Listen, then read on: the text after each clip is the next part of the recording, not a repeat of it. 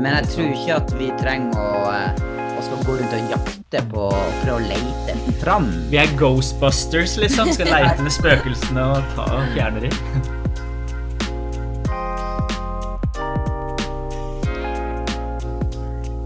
Gud signe vårt dydre fedreland og late som hagen blømer.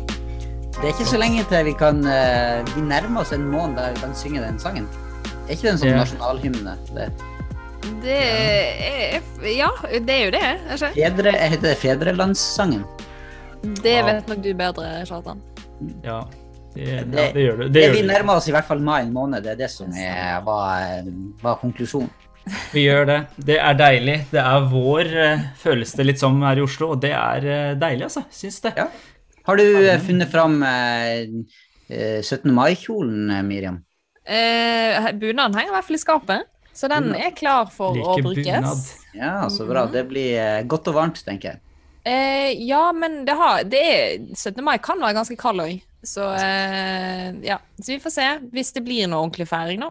Ja, tror dere vi kommer til å få kunne gå ut og eh, feire? Håper det. s- Spørs hvor du bor i landet, tror jeg. Altså, I Oslo så Ja. tror jeg det blir eh, ganske stramt. Dessverre. I år også. Så vi får feire neste år, kanskje. Ja, vi får bare gjøre det beste ut av det. I hvert fall gå med bunad og ha 17. mai-frokost. Ikke at det blir noe tog, men i hvert fall henge opp noe flagg og sånn, da. Ja, Det må vi gjøre. vi må prøve det. Være litt sånn kreative. Vi er blitt gode på å være kreative. og vi Absolutt. er jo fremdeles der at vi ikke er i samme rom, men eh, vi kan ta en alvorsprat for det om. Det kan vi. Så det er bra. Og forrige gang, vi må ha en liten sånn recap. Hva var det vi snakka om sist? Det ble vel gambling og nattverd. Så eh, ja. Så jeg skjønte du, Reza, har liksom sjekket litt opp i dette her. Med gambling sånn ordentlig, da. Ja, Ja, altså, ja, altså jeg, jeg, jeg, jeg satt en kveld og så på TV 2, og da så jeg Norge bak fasaden. Og da var det en episode om spilleavhengighet. Og det syns jeg var litt interessant. Litt kjipt at vi hadde spilt inn episoden vår før jeg så den. fordi da gikk det plutselig opp for meg hvor stort problem det er, eller eh, folk i Norge har med det her. Og da var det snakk om at rundt 50 000 personer sliter med spilleavhengighet i landet vårt i dag, altså. Så det Ja. er Det er rimelig høye tall. høyt. Ja, det er et høyt tall. Det er det, og tallet øker eh, hele tida, sier de. da. Så det var, det var en veldig eh, si, rørende og trist episode der du ser mennesker som er fanga i spilleavhengighet. Så ja, så det var liksom et fin, altså en del av det temaet også, som vi skulle gjerne gått dypere inn på. Men det var sånn wow, er det så mange som sliter med det? Det er alvorlig. Ja. Mm. Det er heftig. Ja, veldig. Veldig. Men eh, ellers, da. Det, siden siste du, Reza, har kjøpt deg hus, har ikke du det? Jeg har fått mange voksenpoeng eh, nå, altså. Oi. Vi har kjøpt oss hus.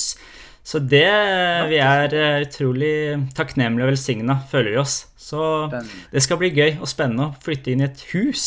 Ja, en Ja, det- bolig i Oslo. Hvem Ja, tenk på det. Mm. det, liksom? Ja, det er stort, altså. Det som er litt eh, grunnen til at jeg spurte om akkurat det, det er at eh, det vi skal prate om i dag, det kan av og til bli knytta opp mot hus. Ja, vi har lagd en å, case. jeg liker den! Nå er dere nok spent på hva eh, dagens case handler om. Vi skal har ingen anelse, vi. Nei, nei, nei. Derfor så, Miriam, du skal få lov å lese opp og belyse hva som er dagens tema. Det skal jeg gjøre, vet du. Ok. Tore har vært på ferietur og leid et gammelt hus sammen med to kompiser. Da de var der, opplevde de noen skumle ting på kvelden. En dør åpnet seg flere ganger, og de hørte merkelige lyder. Han deler dette med folk i, kir folk i kirka, men blir møtt med skepsis og uttaler som 'spøkelser finnes ikke', og 'slutt å være så sykt overtroisk'. Yes. Mhm. Ja, ja, ja. Reza, tror, hva tenker du om det her når du skal kjøpe et hus, og så plutselig Hva tenker hvis det er på en måte, hva det kalles for, hjemsøkt? Ja, jeg, jeg tenker at vi må bare heve kjøpet, rett og slett. Fordi det her det begynner å bli alvorlig. Ai, ai, ai. Nei, det er eh, spennende tema. Det er jo det.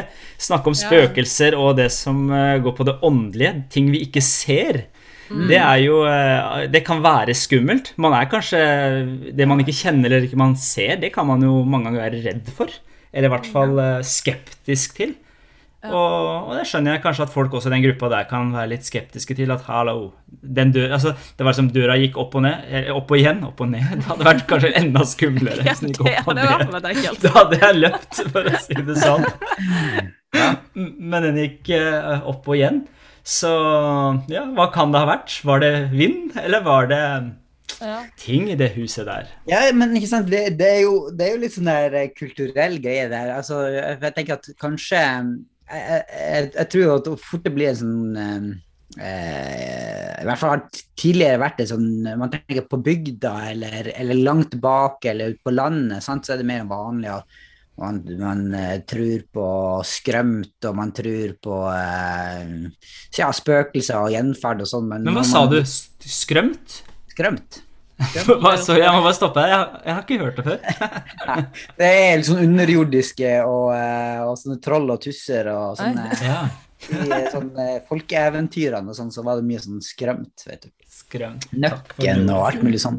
Ja. Neida, men, men, eh, men ikke sant, når man er opplyst og tatt utdanning og flytta til, til byer med universitet og mm -hmm.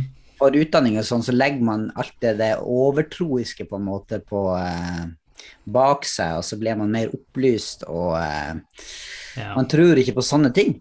Men man ser jo at det her det er jo ulikt ifra, også fra kultur til kultur, sånne land og sånn. eh, Er det ikke det? Altså, jeg vet ikke, Hvordan har det vært eh, der du Din bakgrunn, Reza, er det mye overtroiskhet i, eh, i den uran, iranske kulturen?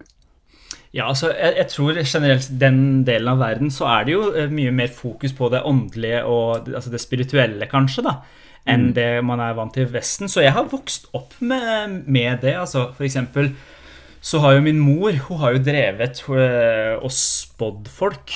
eh, og har på en måte Ja, jeg, jeg husker siden jeg var, jeg var ganske liten, så husker jeg at det kom folk hjem til oss for at mamma skulle spå dem. Og folk kom jo tilbake gang på gang, og der de opplevde at ting hun hadde sagt, skjedde. Eh, og jeg har jo liksom snakka litt med mamma i ettertid òg, og de har mange ganske spesielle opplevelser. Og apropos at dører går opp og igjen, at de har noen eh, historier som eh, ja, som Er er det noe du kan fortelle oss, liksom? Noen historier? ja, Litt altså, mamma- juicy greier? ja, altså jeg kan jo gjøre kort da, på, på noe av det. Så forteller mamma at hun og ei venninne eksempel, drev med sånn eh, spirit, eh, spiritisme, hvis man er det det man kaller det? Der man har eh, liksom noen bokstaver på et bord, og så er det et glass som skal liksom flytte seg for bordet. da. Og der man spør eh, og prøver å mane fram eh, noen døde personer. Og der forteller du at noen sånne s- veldig skumle ting det er dører som At de, ok, det var en død person som plutselig dukka opp i rommet, da, og så skulle de ha bekreftelse på Ja, hvis du virkelig er her, så må du ta ned dørhåndtaket. Og så skjedde sånne ting. Og så Da forteller mamma hvor skummelt hun syntes det var, fordi de klarte ikke liksom å få den tingen ut av rommet heller. da. Så det er bare sånn noen ting jeg har fått høre som er ganske heftige, altså. Ja, det, det er jo litt sånn eh, Det er jo interessant det her, fordi at eh, vi, vi, vi tror jo på, på Gud. Vi tror jo på det. eh, at Gud har skapt verden, og, og vi ser jo på en måte ikke Gud eh, med det blotte øyet sånn fysisk som en person.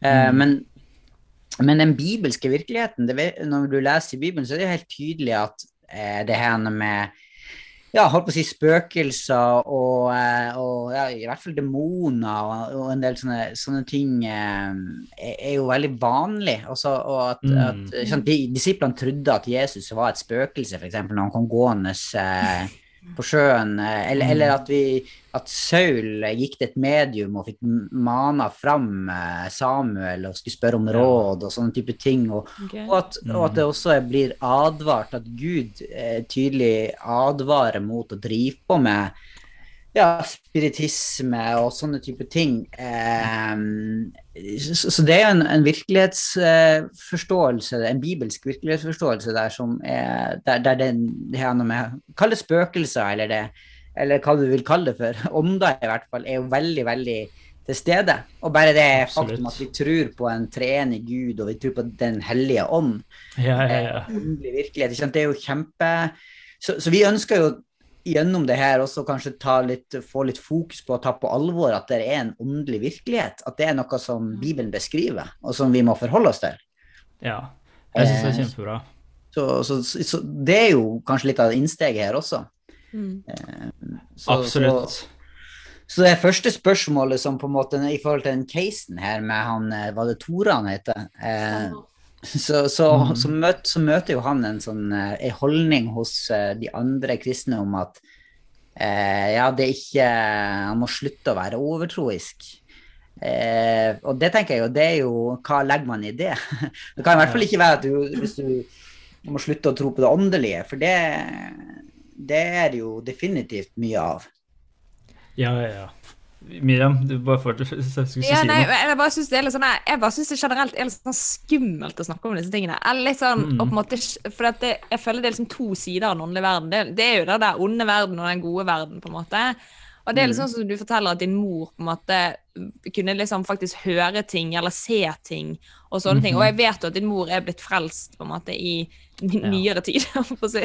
Ja, ja, ja. Eh, og om på en måte har hun tatt med seg dette videre sant? inn i Mm. det å være kristen, fordi at kan hun liksom, Er det bare at alle er liksom åndelige vesener, og så bare de som holder på med sånn eh, medium, eller de som ser liksom de døde og sånn, er, det, er de bare litt sånn ekstra var, så når de blir kristne, så er de, kan de høre lettere fra Gud, eksempel? Eller sånn sånn, hvordan ja, ja. jeg, bare, jeg bare blir litt sånn Tar de bare med seg det videre, liksom? på en måte? Kjempegodt spørsmål. altså. Jeg kan jo snakke for mamma sin del, så, så tok hun imot Jesus for eh, noen år tilbake nå. Eh, og det som var veldig interessant å se, er at hun er veldig tydelig på at hun ikke skal ha, drive med noe av det hun gjorde før. Det er hun veldig tydelig på, fordi hun har møtt Jesus, og han vet, eh, hun vet at det vil ikke Gud at vi som eh, kristne skal holde på med. Mens mamma var ganske var sånn åndelig sett. Jeg husker på den de første samlingene vi var, så Ja, visste sånn hun ikke så mye gruppesamling, liksom? ja, sånn cellegruppe, gruppesamling. Ja, sånn, Og da ble jo mamma, mamma Når det var lovsang, så plutselig hadde hun sett et syn, da. Plutselig som hun delte med gjengen. Og det var sånn Ja, jeg så noe bilde, jeg vet ikke hva det er. Og da hadde hun ikke hørt om at man holdt på med sånt i hva skal jeg si, cellegrupper eller det kristne miljøet. Så hun var veldig åpen, på en måte, hvis man kan si det sånn, Ja. til det åndelige. Og det er jo fantastisk at Gud kan tale til henne. Og det har jeg opplevd også i, i mitt liv, og at hun har hørt fra Gud til eh, altså situasjoner vi har stått i, og så har det stemt. Så hun er veldig åpen for det åndelige, da. Ja. Og så, så det er veldig veldig interessant eh, å se. Og at det liksom, Bibelen Det er ikke sånn at Bibelen snakker om én ting, og så er realiteten noe annet. Men jeg tror også vi kan finne eh, hva som er ekte gjennom også Guds ord. da, Og på en måte kunne sammenligne og se. For Bibelen er veldig ærlig og tydelig på det som Kjartan sier, at det fins en åndelig verden. Det fins djevler, det fins demoner, men det fins også engler, kiruber. Og på en måte, altså det er en verden som ikke bare er det fysiske, men ikke bare det åndelige heller. Men man har, det er en sånn sammenkobling av disse Ja. to. da. Det er Yes. sånn viktig å få fram her, at vi er åndelige vesener samtidig som vi er kjøtt og blod, eller ja, altså fysiske, da. Ja, og at det henger antageligvis mye, mye mer sammen enn det vi, Mhm. Vi kanskje er vant til å tenke. Så, og Ja. når, I det eksempelet vi har her, da, så er det fort gjort å begynne å tenke på sånne spøkelser som type sånn, ja, et hvitt laken som svever, og, ja. og litt sånn en type Ja, ja, ja. historie og sånn. Altså, ofte så er det jo kanskje i sånne gamle hus at ja, det knirker bare litt fordi vinden blåser, eller det er gamle dører, og, og det har en slags uh, naturlig forklaring. Mhm. Men, men, eh, men jeg tror også at, ikke sant, at som Reza sier, at, eh, du, at, at det her henger mye sammen. At Mm. eh, kanskje mye av det som blir spilt på her, er også det fryktaspektet som du sier, Miriam, at, at, eh, Mm. at man kan bli veldig redd for ting, og at det fører til at man ikke tør å gjøre ting, eller, eller at det kan eh, ja, bli, bli vanskelig for mennesker på, på, på ulike måter. Ja, for det er jo det jeg liksom merker liksom sånn det at når man, for typ sånn, når vi var litt yngre, sånn, så snakket vi litt sånn Noen fortalte om sånn her eh, De hadde sett noen demoner, eller liksom sånne ting. Så ble det sånn her oh, oh my gosh, jeg ble skikkelig redd, liksom. Og så husker jeg jeg skulle gå hjem alene, så jeg bare sånn Tenk hvis det er en demon bak den bilen der, liksom. Eller sånn. Ja, og så måtte jeg bare tenke sånn Nei, jeg, jeg er jo frelst, og jeg, vi, generelt så har vi vunnet kampen, liksom. Jeg måtte liksom si disse tingene til meg for at jeg ikke skulle bli redd, liksom. Men, men så er jo det en realitet som jeg liksom Jeg klarer ikke helt å liksom Hva er realiteten? Og- Ja, Ja, fordi at spørsmålet er jo ikke om det finnes åndelige ting, eller Nei, nei, ikke sant? det er jo om det- ja. hvordan vi forholder oss til det. Ja. Eh, det som, sånn. som kristne og sånn. Fordi at du har jo sånn, Jesus er jo veldig tydelig på når, vi får, når han gir oppdraget til disiplene, så sier han jo at man skal kaste ut demoner. Ja. Ja. Eh, At det er en del av det å, å forkynne og, og, og legge hendene på syke så de skal bli friske, og de skal, ja, vi skal Mm. kaste ut demoner. Så det er jo en del av det som Jesus har bedt oss om å gjøre. Men jeg tror ikke at vi trenger å, eh, og skal gå rundt og jakte på og prøve å leite fram. Vi er Ghostbusters, liksom. Skal leite etter spøkelsene og ta og fjerne dem. Men det jeg liksom lurer litt på, for at han kaster ut de der demonene i Bibelen, sant? De og så går de inn i grisene.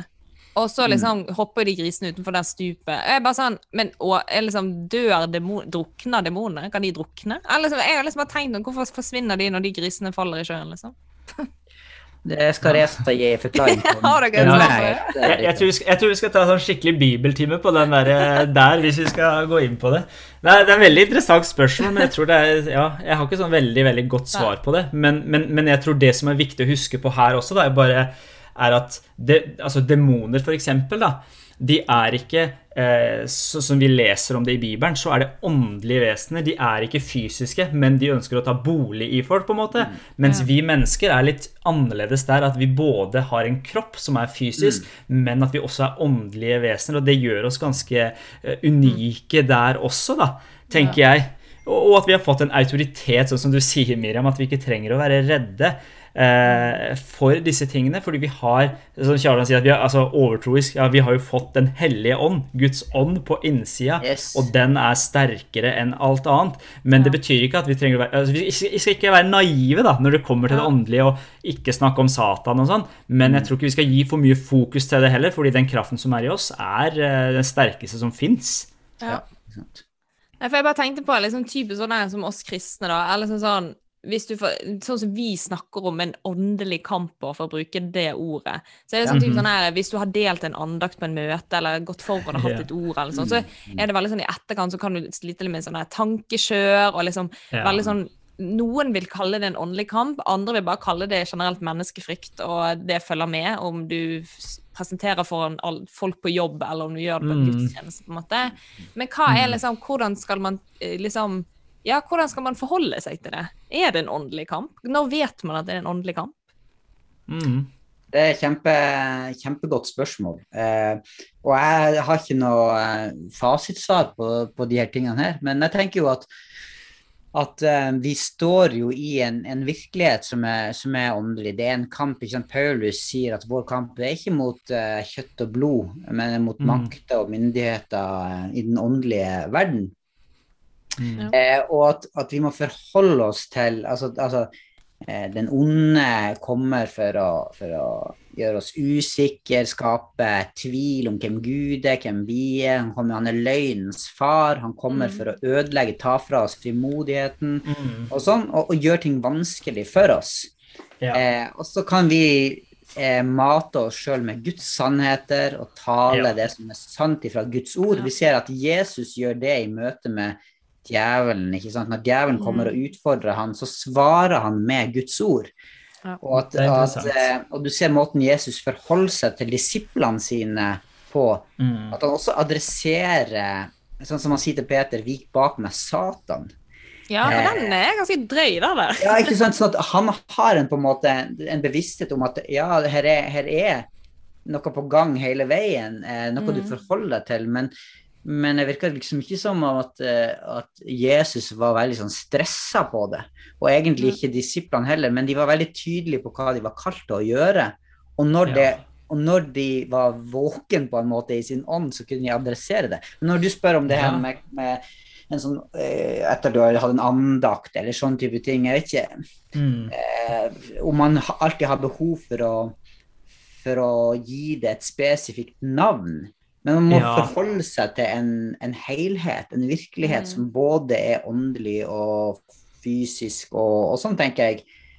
Ehm, og at eh, Ja, vet ikke, så? Jo, jeg syns det er kjempebra du er inne på det, Kjartan. Fordi jeg tror helt eh, altså Bare se helt i starten, altså menigheten blir født, på en måte den første menigheten, så har det Ja. hele tida vært ønske om å skille. Er det åndelig, eller er det på en måte hva skal jeg si, jordslig? på en måte, Er det kropp, eller er det ånd? Mens det, det bildet Bibelen maler, er ikke Det er ja takk, begge deler, da. Jeg bare skal lese bare liksom veldig kjapt fra Romerne 12,1, så står det Bær kroppen fram som et levende og hellig offer til glede for Gud. Det skal være deres åndelige gudstjeneste. Det å bære fram vår fysiske kropp, det er en åndelig gudstjeneste, så de går i hverandre. Og jeg synes det eksempelet med kvelden da, den, altså du, du deler et eller annet på en gruppekveld, og så kjenner du på det kjøret. For min del så har jeg liksom tenkt at Jeg merker når jeg får positiv tilbakemelding, så er den, om vi kan kalle det eh, en åndelig kamp, mye mindre da, når jeg får gode tilbakemeldinger enn når jeg får dårlige tilbakemeldinger. Eh, selv om jeg ikke skal utelukke at det kan være noe åndelig i det, for det tror jeg det kan være. Men det at, eh, det at vi kan oppmuntre hverandre også, da, og sette ord på ting vi ser, og heie på hverandre og komme med tilbakemeldinger, det mener jeg også kan være åndelig i den, den, eh, den, praten her. At det ikke bare er altså, engler og demoner som er åndelig, men det vi gjør med det, mm. handlingene våre, det er også åndelig ut ifra en bibelsk måte å forstå det her åndelige på. Ja, så du ja. mener liksom Ved å gi en positiv tilbakemelding, så kan det hjelpe i den åndelige kampen? på en måte, Eller liksom sånn at det nulles ut, så å si? Er det det du mener? Liksom, ja, jeg, jeg, tror det. Og som Kjartan sier, Jesus adresserte djevelen med Guds ord, f.eks. Så viser det hva slags kraft som fins i ordet og i sannhet, f.eks. Det kan være med å sette folk i frihet. Så jeg tror absolutt at det å komme tilbakemeldinger er åndelig. Det tror jeg faktisk. Ja. Og så tror jeg det er en sånn grunnleggende eh, viktig åndelig sannhet da, eh, for oss eh, er det her at, at sånn, Hva er grunnsynden hos mennesket? Jo, det er jo at vi ønsker å vite best sjøl. Vi mhm. ønsker å lære liv. Vi ønsker å finne ut av ting på egen, egen hold. Eh, og så tror jeg at, at, veldig mange, når vi snakker om de åndelige tingene, eh, det ser vi jo også i Bibelen, det at man søker svar noen mm. andre plasser enn hos Gud. Ja. Altså man, man, oppsøker medium, eller man oppsøker et eller annet mm. sånn spiritisme eller noe sånt for mm. å finne svar i livet, eller veiledning, om du vil. Og det ser vi jo, tenker jeg, i sånne spirit sånn, i New Age eller, eller sånne eh, spiritismegreier. Sånn, så at du har et behov for å finne ut eh, noe om framtida, mm. eh, liksom, ja. og vite sjøl. Eh, mm. men så er det liksom at framtida ligger hos Gud. Eh, ja. Svarene ligger hos Gud. Og hvis ja. vi åpner opp det åndelige, usynlige, for andre krefter enn Guds, så tror jeg at, at der ikke vi skal være så veldig sånn der, der, tror jeg vi ikke skal være naive som kristne, da. Eh, med å tenke ja. på at uh, ja, ja, vi tror at de her tingene fins, men, men, vi har en, en, god far, vi har en herre og en, en veileder ved Den hellige ånd. Som ja. vi kan komme til, og som vi kan legge livet vårt i, og som, som har seira i den åndelige kampen også. Og som har ja. triumfert. Og som det står at Jesus stilte mynde og maktigheter til spott og spe på korset. Ja. Han triumferte Han triumferte over dem på korset. Og jeg tenker mhm. Det er noe sånn i det åndelige som vi trenger å på en måte, gripe tak i og, og ha en sånn, sånn der eh, si, seiersfane i vårt eget liv nå inn mot 17. mai. Ja. så, kan vi liksom leve i den bevisstheten om at Jesus har seira, men vi forholder oss til det som er rundt. Men det er Jesus vi har, eh, vi har fokus på eh, i det. da. Mm. mm. Og, og, og, så bare en ting til bare i det. For, som du sier, Artan, Det er så viktig at vi vet at vi har fått en seier, at vi har vunnet en seier her. Men uh, vi leser også uh, f.eks. Daniels bok, da, som vi bare snakka om rett før vi ja. spilte inn det her òg. Med Daniels bok, der vi ser at uh, Daniel begynner å be og faste til Gud. At han bruker noen av de verktøyene som vi har fått, til mm. å kjempe en åndelig kamp. Og så står det at eh, når han begynte med det her, den dagen han begynte å, å be til Gud, så sendte Gud en engel for å svare han. Men så blei det en kamp i åndeverden, virker det som. Det er vanskelig å forstå det, kanskje, men det mm, virker som det blei en åndelig kamp når Daniel begynte å faste og be. Så, så det er noe her at vi har fått noe verktøy òg. At i, i, visse situasjoner så krever det faktisk at vi roper til Gud og ber til Gud og faster til Gud og bruker de verktøyene som han har gitt oss. Så, så, det er liksom, igjen, vi må, vi må kunne høre Den hellige ånds stemme. Vi må vite at Gud har gitt oss noen sånne verktøy, og at den mm. åndelige verden er eh, virkelig, da. Ja. ja. Og, men, men, jeg syns det er interessant det her, for dette her er noe som trigger eh, mennesker. Du har åndenes makt, og du har sånn spirit, ja. Eh, spiritisme, og du har mm. alternative messer, og veldig mye så Folk er jo opptatt av det her. Og du hadde noen mm. tall, hadde du ikke det, eh, Reza, på hvor mye penger som blir brukt på sånne ting? Hva var det ja. du hadde hørt? Nei, det var, det, altså igjen, eh, mine kilder er fra Norge bak fasaden. Eh, så jeg så to episoder. Det var et veldig interessant program, eh, faktisk. Men der snakka de om at det var rundt 5 milliarder kroner årlig som ble brukt på det som hadde liksom, det alternativet å gjøre. Hva er det på en måte med alternativet? Er det liksom Nei. penger på en spåkone, liksom? Eller? Altså, sånn som jeg forsto det, så var det liksom å gå til healere, kjøpe krystaller, sånne steiner som skal gi Ja. deg energi eller helbrede deg. Altså alt mulig som har på en måte med det alternativet å gjøre, da. Det var sånn jeg forsto det, men det er i hvert fall mye penger da, som blir brukt. Ja, Det er mye penger. der, der har jo ikke verden forandra seg så veldig mye fra på en måte, disiple, første disiplenes tid. og sånn. Man kan lese i Apostelens gjerninger 19 om de her Skevas sønner som drev på med sånne, eh, sånne holdt på å si, eh, åndemaning og, og, og ja, sånne trollmenn sånn, som drev med sånn svartekunst, som det står. Og når de møtte Jesus og skjønte at det var liksom, han var herre og hel, tok imot Den hellige ånd, og sånn, så kom de jo med bøkene sine og brant det opp. Og det står at det var eh, at verdien som ble regnet eh, ut og ble til sammen 50 000 sølvpenger. Og der står det i fotnotene at det var liksom eh, 200 000 dagslønner. Altså mellom, eh, fem, nei, mellom 600 og 800 årsverk. Så det er mye penger i det her eh, også. Og det er jo klart at eh, det, det er jo også en sånn sier med det her at, at um, det er sterke krefter eh, på gang. Og igjen derfor tenker jeg det er viktig at man ikke er naiv i møte Ja. med, med de her tingene her. at ja, vi snakka jo sist her om, om yoga og sånn, eller, eller man, kan, man kan tenke på det, astrologi, new age, spiritisme, det her med medium og, og veldig mye sånne ting som man, man, det, det er sterke krefter som er i gang. ikke Sant? Det, er, Det det, er er spennende, det, det er litt skummelt. det er liksom, Oi, kan du få noe svar utover her? Sant? Altså, det trigger noe i oss. Absolutt. Og, og, um, og det er klart at em, dette her er en realitet eh, som vi trenger å forholde oss til eh, som, som disipler, tenker jeg. Absolutt, og jeg tenker at som disipler så er det også et, Jeg blir litt oppmuntra av det også, selv om det er triste tall at det brukes mye penger på sånne ting. Så Mm. viser det jo også en lengsel etter det åndelige, at mennesker ønsker Yes. å liksom kunne knytte seg opp mot det åndelige. Og jeg Mm. mener at vi som kristne har eh, altså, Det er kanskje veldig sånn, eh, hva skal jeg si, arrogant å si det, men vi tror vi faktisk har svaret, og at vi kjenner Han som er kilden til Mm. Amen. alt det åndelige. Ja. Og derfor kan vi være vel, Vi trenger ikke å være redd for å kommunisere at ja, men vi tror også på disse tingene. Vi tror at det fins, men vi tror at den kilden vi skal søke, er en annen kilde, og det er den kilden vi er skapt til. Altså, altså I kommunikasjonen vår så kan, trenger vi ikke være redde, men vi kan være veldig frimodige med det, med den kraften som bor på innsida av oss. da. Det tror jeg er veldig viktig i den samtalen. Ja. For jeg tror liksom bare det å vite hva som er der ute, hva er det vi faktisk har med å gjøre, og jeg tror det er Mm. Ja. den som jeg som kristen da, vet for lite om. Og sånn som Ja. Hvis Tore hadde kommet til meg og sagt disse tingene her, som at de var på Mm. hytten og døren smalt igjen, så ville jeg nok sagt sånn Ja, det var nok trekket, for å si det sånn. Eller liksom, jeg Mm. oppriktig hadde nok vært den som var skeptisk, Mm. fordi at jeg bare liksom Ja, herlighet, chill, liksom.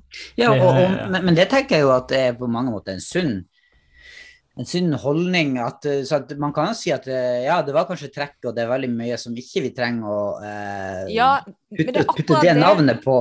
Men vi, må jo, vi må jo ikke si at det eh, at det, ikke, at det åndelige ikke fins, på en måte, eller, eller ja. mm. Jeg tror bare liksom noen ganger jeg føler at vi kan- liksom kan sette liksom fing at det er, sånn, det er en åndelig kamp, eller det er en det er sånn, Hvis du skal lese Bibelen, så blir du trøtt, eller hvis du skal ha en bønnestund, så ringer telefonen hele tiden, og du blir forstyrret, så er det sånn Det er et åndelig angrep. Så blir det litt sånn Skal vi liksom alltid si at ting er et åndelig det er liksom, Jeg føler at vi gjør kanskje på en måte djevelen større enn det han er, og så er det litt sånn Hvor mye skal vi gi han makt, og hvor mye skal vi egentlig bare en som jeg kjenner, kaller han sleipeslurken, liksom. Og det er bare for at du bare gjør han så liten, sant? Istedenfor å si sånn Mm. For noen ganger så det, det er liksom djevelen eller Satan, det er mørkets herre, liksom. Eller veldig sånn Vi Mm. gjør han så mye større enn han kanskje egentlig bør være.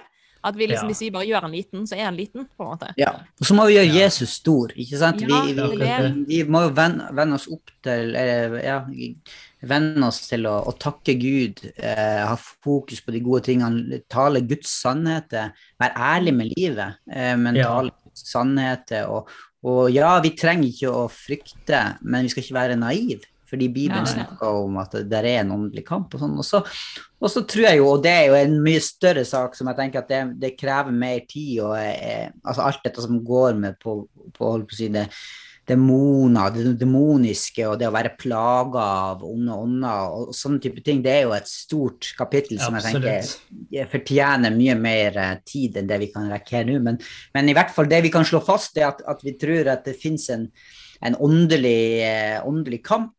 Eh, Mm. og, og, og man skal ikke avvise når folk opplever ting, Mm. men vi har et godt fokus på Jesus Um, Ja. I ting, og, og, og at man ikke er naiv i møte med åndelige ting som peker på, på andre ting enn Jesus, tenker jeg. For da, er det, da syns jeg at det er veldig skummelt å, å, å flørte med det. Ja. Så Tore hadde kanskje ikke helt feil det de opplevde kanskje på hytteturen? Eller det kan være ja, det kan ha vært det, Ja, men vi trenger ikke å være naive, ja. Jeg er Enig. Ja. Men eh, OK. Jeg, jeg eh, lurer på, er det greit at vi går videre og hører litt om Åse? Hva er det som har skjedd i hennes liv eh, den siste tida? Det syns jeg er spennende. Kanskje hun har opplevd noen spøkelser, eller er? Ja. Ikke så fortalt meg ennå, men eh, kanskje nei. etter denne episoden. Men eh, ja, jeg, jeg har jo selvfølgelig en eller annen problemstilling. Mm -hmm. men det på en måte handler ikke om Åse igjen, men hun har igjen et spørsmål på en måte, som vi, hun har lyst til at vi skal diskutere. Ja. Eh, og det er at en venninne eh, hennes har blitt gift. Eh, og så kommer liksom det der eh, Det kommer det der spørsmålet om det som står i Bibelen om at mannen skal være hodet i familien. Det kommer Mm. liksom opp. Eh, og så er liksom Åse litt sånn Å ja, hva vil det si, egentlig? Eller hva, hva betyr det? Hva eh, For det, er det Vil det si at det ikke er likestilling? Vil det, eller liksom hva, hva Ja, hva legger man i det, egentlig? Mm. Så Bra. det så Kjartan, som menn, hva legger dere i det?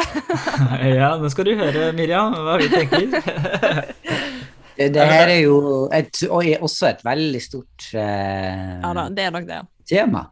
Ja. Men, eh, men ikke sant, dette her er jo henta fra eh, Bibelen.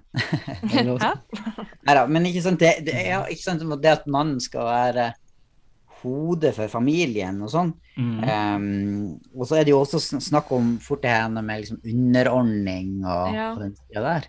Mm. Men jeg, jeg synes jo Jeg har jo vært så heldig å uh, vie uh, en del folk. Og da er det ofte at det blir lest fra Efesene 5. Der står det jo ikke sant, vær, vær hverandre underordnet i ærefrykt for Kristus. Og så står det jo at dere kvinner skal underordne seg ektemenn eh, og sånn, og at mannen er kvinnens hode, slik Kristus er kirkens hode. Han er frelser for sin kropp. Og så, at, eh, og så står det jo det videre der at eh, altså ulike på en måte krav da, både til mannen og kona. Men det står jo at man skal underordne seg under hverandre i ærefrykt for Kristus. Mm. Eh, og så at det er Jesus som skal være forbildet, og, og han ga jo Mm. livet sitt for andre. Altså han Mm. bøyde seg ned og vaska føttene til hverandre. Det, og, Mm. og på en måte Det er jo et sånt tjeneraspekt ved det her. Og så er det en slags konkurranse, tenker jeg, i å ære hverandre. Men når det kommer til akkurat det med hodet, så er det vel kanskje snakk om hvem som blir eh, jeg holdt på å si, eh, stilt til ansvar for den, eh, den, den liksom den siste åndelige kanskje, Ja, på en måte står til ansvar for, for Gud for det, liksom, det åndelige tilstanden i familien, for å si det sånn, på en eller annen måte. Men liksom, for det, ja, for det er veldig Det du sier nå, er, det er nok helt riktig, liksom. Det er bare liksom sånn Hvordan praktisk ser det ut hver dag? Eller sånn sånn Er det at mannen er sånn Jeg er hodet i familien, så jeg Når vi er uenige, så er det jeg som bestemmer? Liksom. Eller hva Hvor, hvor går det sånn helt rent praktisk, på en måte? Ikke- Reza skal få lov å si noe. Jeg skal bare si en liten ting til, siden jeg var inne i det i stad. Kjør på. Nei, Gjør nei, det. nei, jeg bare tenker at eh, for eksempel, det handler jo om, om å eh, se at eh, andre kanskje er flinkere enn en, en sjøl på, eh, på eh, ulike ting. Altså for eksempel at, eh, at hvis du er i et sunt og godt ekteskap, så jeg vil det kanskje forhåpentligvis være sånn at eh, at man ser at eh, kona f.eks. er bedre på det administrative og økonomiske. Mm. Men det, man har en forståelse om at eh, det er mannen som må på en måte stå til ansvar hvis noe skulle gå galt, sånn rent åndelig sett. Så han sier ja, men jeg har tillit til Selvfølgelig tar du dette her med økonomi, eller tar Mm. hovedansvaret der. Jeg har tillit til deg, og vi skal underordne hverandre. Vi står i en pakt sammen, vi gjør det her sammen, Mm. men jeg ser at du er bedre enn meg på det her. Kan ikke du eh, ta og hjelpe oss? Mm. Eh, og så har det jo ingenting med verdi å gjøre. Eh, det har jo ingenting med at, den, at mannen er mer verdifull eller, eller viktigere. Det er jo bare sånn at litt, Det er et sånt eksempel som ofte blir brukt, det er jo det at Adam og Eva, ikke sant um, Det var liksom Eva som først spiste av, av frukten. Men det er Adam som blir ropt på av Gud. Mm. Eh, Adam, hvor er du? eh, Ja, ikke sant? Eh, fordi at han på en måte ble stilt først til ansvar for, for ting. Eh, så, så det er jo den, den, den, den på en måte ja, litt sånn, sånn som vi tenker. om. Men her vil jo sikkert folk tenke litt ulikt også. Ja, og det, og det er som Kjartan sier, det er jo veldig stort å, å klare å liksom, bryte det ned og snakke kort om det. Er, er ikke det letteste som finnes, men jeg tenker sånn at uh, det er jo altså En ting som jeg tror er viktig å forstå i det her, er at uh, vi må tro at Gud er god. Det er Ja. viktig. Og klare å forstå det at uh, når Gud sier at mannen er kvinnens hode, så er det ikke for at han skal bestemme eller herske over henne, men han setter jo mennesker sammen. Ja. Eh, Det, det, er jo det, det er jo det han gjør, først og fremst. Og så stiller han jo ulike kriterier, da. Mm. Mannen skal legge sitt liv ned, sånn som Kristus la livet sitt ned for menigheten. Og eh, hvis du ser på det, altså det bildet der Dama eller kona skal respektere sin mann, men mannen skal legge sitt liv ned for kona. Og spør du meg, hvis man skulle sånn velge Ok, du får velge én av de, så er det vel kanskje lettere kanskje å respektere enn å legge sitt liv ned og være akkurat som Kristus var da, for menigheten. Men, ja, men det, det, så for for dere, hvordan oppleves det som menn, da? Og liksom Ja. faktisk det, det, det Du skal legge ditt liv ned. det, det, det, det er der jeg mener, det er der jeg mener at jeg tror det, vi konstruerer noen spørsmål her som ikke nødvendigvis man trenger, fordi at i et sunt og godt ekteskap, da, sånn som det er tenkt, så tror jeg ikke det her blir en problemstilling fordi at nettopp man underordner seg hverandre i ærefrykt ved Kristus. Det er en slags sånn Vi ønsker bare at ting skal fungere godt. Ja, hvis men hvis der det ikke fungerer, da? fram- Ja, ikke sant. Da jo, men, der mannen bruker det som et argument sant? i en diskusjon. Det er jo forferdelig. Ja, og det, det er det. Det er forferdelig, for det er ikke sånn jeg tror det er ment, eller Gud har ment det. Og jeg tror bare, jeg bare sånn litt bitte litt tilbake før vi går videre, det er at sånn. det å forstå det her, både for mannen og for kvinnen, er at det er ikke først og fremst kona di du tjener, eller for kona å forstå at det er mannen du tjener, eller underordne deg, men som Kjartan sier, vi underordner oss hverandre i ærefrykt for Kristus. Så Jesus er hodet. Det er han. På grunn, fordi at han, vi underordner oss han, da kan vi respektere mannen vår, og da kan vi elske kona vår. Så hvis vi ikke har det på plass, så blir det en sånn rar greie. fordi nå var ikke du grei mot meg, da gidder ikke jeg. Men når du gjør ting for Jesus, det er hoved, på en måte motivasjonen, så er det lettere å elske kona si eller respektere mannen sin, tror jeg, da. Og det er jo ikke et regnestykke, det er ikke et regnestykke Nei. som skal gå opp. Det er jo ikke det. Det er det. Er det. Det er et levd liv der vi ønsker det beste for hverandre. Eh, I tillit til hverandre og til Gud, liksom. Ja. Men hvis du for står i en situasjon der det er sånn Vi skal selge huset, eller skal vi ikke selge huset? Så, det er sånn, så må noen ta en bestemmelse fordi man er uenig. Ja. Ja, Hvem, ja, ja. hvem, hvem setter mannen foten ned da, liksom? Det, det kommer, jeg syns Kjartans eksempel er veldig godt, fordi man har ulike eh, si, sider da, der man er sterk. Eh, og kanskje kan det være i noen familier for eksempel, da, så er det kona som styrer alt som har med det økonomiske å gjøre. Og da vil det kanskje være lettere at hun har et argument der med hussalg da, enn mannen. Mens andre situasjoner så vil være mannen som har det. Så jeg tror eh, det, det, spørs hva, hva det er. Og jeg tror som oftest i et sunt forhold så gjelder det å snakke sammen og finne ut av det sammen. Og som oftest, man, man, når det kommer til lederskap, da, så er det mange som sier at å, det er så kult å være leder, for da kan du bestemme så mye. Men min erfaring er ja, man har, det er et privilegium å kunne være med å påvirke, men man står i mange situasjoner og der man må ta beslutninger som er krevende, som ikke er populære, og der folk ikke trenger å bære noe, men du får all hva skal jeg si, det kjipe på deg. Og det, det, ja, det kan være, og det tror jeg også sånn kan være ekteskapet, der mannen må ta noen valg som du må stå inne for, som kanskje ikke er så gøy. Og da kan kona kanskje da slippe å ta den byrden i, i et forhold, men, mm, sånn som jeg ser det. Veldig kronglete sagt, men ja. Og samtidig da, så vil jeg jo si at hvis mannen må bære det siste ansvaret, så er jo han helt avhengig av å ha ei god kone som kan støtte han i det, backe han i det, eh, og, Ja. og, og, og liksom ære han og, og si at vi står sammen i det her, og dette skal ikke du bære helt alene, men ikke sant? Det, også der må man jo gjøre det sammen. Eh, så eh, Ja, bare, nå, jeg, nå husker jeg bare hva jeg mente med den rare greia på i stad.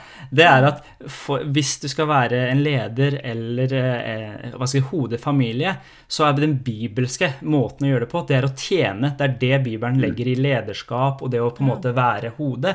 Så, så det vi er kalt det som menn, å være hode, det først og fremst så handler det om å være med å tjene så folk i familien, da, i det eksempelet her, at kona og barn, hvis det er barn her, skal ha det godt. Det er ikke det å herske og bestemme, men det handler om å tjene og gjøre så at alle andre kan blomstre og ha det godt. Det er på en måte det, det er sånn jeg forstår det bibelske prinsippet her. Og så av og til må man ta noen kjipe valg. Ja.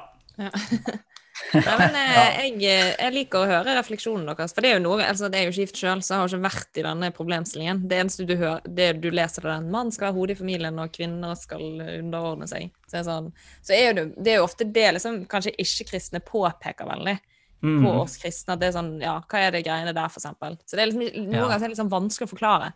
Men Ja, ja. Uh, da fikk i hvert fall Åse kanskje litt mer svar på dette. Jeg håper det. For, for ikke, ikke send en sint mail. Eller. Ikke klikk. Ha det opp, Ta det opp med, med pastoren din. Nei, men jeg syns det høres veldig sånn fornuftig ut. Det er jo Ja. Ja, er. Jeg syns det var en fin avslutning på en fin e- e-post. Podkast.